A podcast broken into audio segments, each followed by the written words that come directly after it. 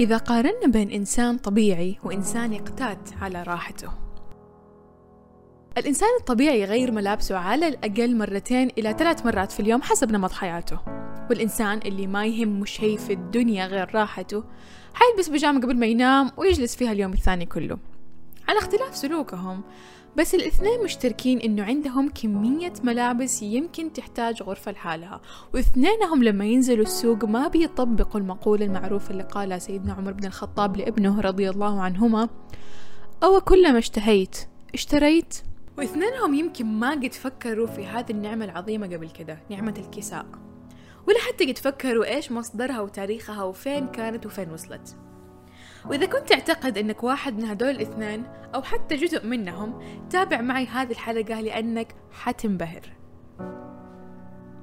الخياطة اليدوية عمل فني قديم جدا عرفه الإنسان منذ أكثر من عشرين ألف عام. بس كانت الطرق والوسائل المستخدمة بدائية جدا. كانوا يصنعوا الإبر من العظام وقرون الحيوانات أو الأسماك. ويمكن النباتيين كانوا يصنعوها من أغصان الأشجار كمان إذا كان في نباتيين وقتها أصلاً. والخيوط المستعملة في الخياطة كانوا يصنعوها من شعر الحيوانات ووبرها وكانت هذه هي الطرق الشائعة والمستخدمة لفترة طويلة جدا إلين ما طلع واحد وقال يا جماعة ما يصير كده إحنا طول عمرنا من أيام أجدادنا ماوكلي وطرزان بنلبس ورق شجر ونخيط بعظام حيوانات خلاص يعني الواحد اتطور شوية إيش بكم؟ وفعلا بدأت بعدها تطورات كبيرة جدا في مجال الأنسجة والخياطة. حنستعرض بعضها في هذه الحلقة وحنشوف الموضوع فين وصل اليوم. أول إبرة خياطة حديدية تم اختراعها ما كان فيها ثقب في الطرف يدخل منه الخيط. كانوا يربطوا الخيط على أحد طرفيها. وبالنسبة لصناعة الإبر بدأت في نورنبرغ في القرن الرابع عشر وبعدين في عام 1826 جاء واحد قال طب بدل ما نربط الخيط على طرف الإبرة خلونا نصنع ثقب في الإبرة يمر من خلالها الخيط. وفعلا اتطورت الصناعة على مدى السنين إلى ما وصلت في عام 1870 إنها صارت كلها آلية وصار في حوالي 250 نوع من الإبر تختلف حسب حجمها وطولها واستخدامها وحتى المادة المصنوعة منها الإبرة. بس في أداة ثانية مهمة برضو في الخياطة غير الإبر. وغير الخيوط كمان إيش تتوقعوا هي؟ إنها الدبابيس. خلوني أحكيكم قصة اختراع الدبوس الآمن أو اللي إحنا نسميه دبوس أبو راسين اللي كده يتقفل عرفتوا؟ هذا الله يسلمكم تم اكتشافه عام 1825 كان في واحد اسمه والتر هانت مخترع من نيويورك جته ضائقة مالية وكان يحتاج فلوس. راح لصاحبه قال له تكفى أعطيني خمسين دولار أحتاج فلوس الله يخليك أمشي حالي ذا الشهر. صاحبه قال له طيب okay fine أداه خمسين دولار. هانت قرر إنه هو حيستفيد من هذا المبلغ باختراع شيء يحتاجه العالم. وكان ده الشيء اللي قرر اختراعه هو الدبوس واللي يربط الأشياء ويثبتها ببعض وفي نفس الوقت ما يسبب الوخز لمرتديه. هانت رسم لوحة تخطيطية أو سكتش خلال ثلاثة ساعات فقط. بعدها على طول راح سوى نموذج للدبوس حقه ولأنه كان يحتاج فلوس باع حقوق اختراعه مقابل 400 دولار فقط. بينما القيمة الحقيقية للفكرة دي تقدر بمليون دولار. بدأت صناعة الملابس تتطور وصارت الخياطة اليدوية غير كافية وبدأ المخترعين يتنافسوا في اختراع ماكينة تسهل هذا الموضوع على الخياطين. عرف العالم أول محاولة ناجحة لاختراع آلة للخياطة عام 1830 على يد الخياط الفرنسي ثيملي تيموني. هذا الله يسلمكم اخترع آلة خياطة خشبية تشتغل بخيط واحد وإبرة ذات خطاف. كانت تعطي خياطة سلسة تشبه التطريز. وعلى الرغم من نجاح آلته بس في الأخير الموضوع انقلب عليه.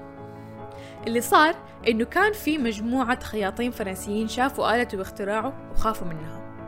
خافوا إنها حتوقفهم عن العمل وحتصرف عنهم الزبائن. أتآمروا عليه ودمروا مصنعه. هو قدر يهرب بأعجوبة طبعا. وأتوقع وقتها كان يتمنى إنه آلاته عندها أرجل وتقدر تجري. حادثة كبيرة جدا أثرت على حياته بشكل مهول. بعدها عجز عن إيجاد تمويل يمكنه من صنع نماذج من آلته حتى انتهى به الحال ليموت فقيرا معدما. بس محاولات صنع مكنة خياطة ما وقفت هنا. وظهر عام 1846 مخترع أمريكي اسمه إلياس هاو. إلياس تمكن من اختراع آلة خياطة ناجحة. بس تسويق إلياس لاختراعه ما كان شيء سهل عليه ولا حفظ حقوق الملكية وحمايته من المقلدين. هو حاول بس حمايته ما كانت كافية. وما منعت الأمريكي إسحاق ميرت سينجر إنه يقلد فكرة إلياس بس أدخل عليها تعديلات هامة. خلى الإبرة تتحرك بشكل مختلف عشان تعطي الجهاز كفاءة أعلى.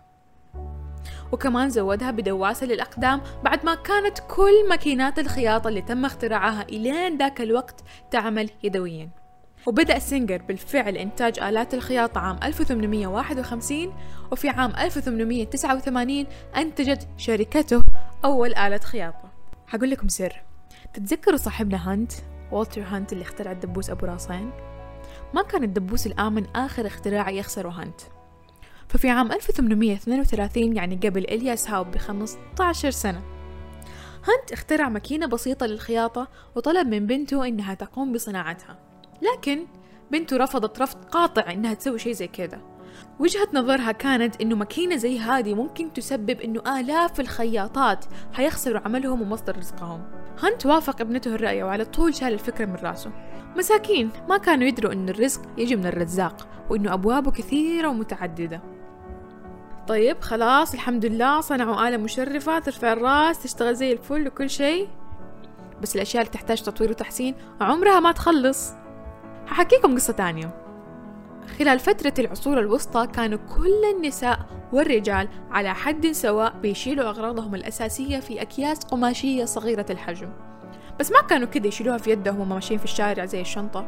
كانوا يعلقوها أو يربطوها في الحزام ويحطوها تحت طبقة الملابس الخارجية عشان ما تكون باينة يعني. وعشان يوصلوا لها بسهولة كانت ملابسهم فيها شقوق تسهل وصول يدهم للأكياس القماشية اللي فيها أغراضهم.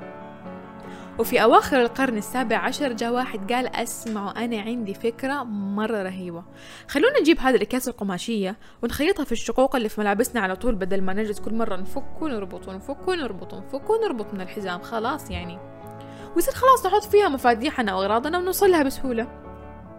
وهذه كانت قصة اختراع الجيوب اللي بعد كده لقت استحسان واسع وصارت تخدم احتياج البشر بكفاءة أعلى. وبما أننا بنتكلم عن الجيوب ما قد لاحظتوا إنه في بناطيل الجينز من قدام فيها جيب صغير جدا ما يكفي حتى تدخل فيه إصبعك الأخير هذا الجيب كان يؤدي مهمة في الماضي. كان يستخدم كحامل لساعة الجيب في منتصف القرن التاسع عشر ويرتبط أصل هذا النوع من البناطيل بقصة خياط اسمه جيكوب ديفيس. جيكوب فكر في طريقة يخلي البنطلون عملي أكثر للعمال بحيث إنه مريح يستحمل مشقة ما يتقطع بسهولة وفي نفس الوقت يحمي أجسادهم. بعد كده الناس صارت تشوف الجينز وعجبها إنه تستخدمه في حياتها العملية وصارت الجينزات لها شعبية كبيرة بين السكان المحليين. بعد كده جت شركة Levi Strauss المعروفة وقالوا شوف إحنا عجبتنا البناطيل اللي أنت تسويها والشعب كله طايح عليها خلينا نسوي شراكة مع بعض حنكسر فيها الدنيا. وهذا بالضبط اللي صار. وخلال الحرب العالمية الثانية تمت إزالة الجيوب عشان يحافظوا على المعادن اللي تستخدم في تثبيت الجيوب ويستخدموها في أشياء ثانية أكثر أهمية. إيش هي الأشياء الثانية أكثر أهمية؟ الله أعلم. أكيد الأيام هذه ما عندنا ساعات جيب لكن لسه عندنا جيب. إيش ممكن نحط فيه؟ أنا أقول حطوا فيه فلوس. حتفيدكم آخر الشهر لما نوصل لمرحلة البحث عن المال في جيوب الملابس القديمة. وصلنا لنهاية البودكاست كان معكم نوال. شكرا على وقتكم ودمتم سالمين.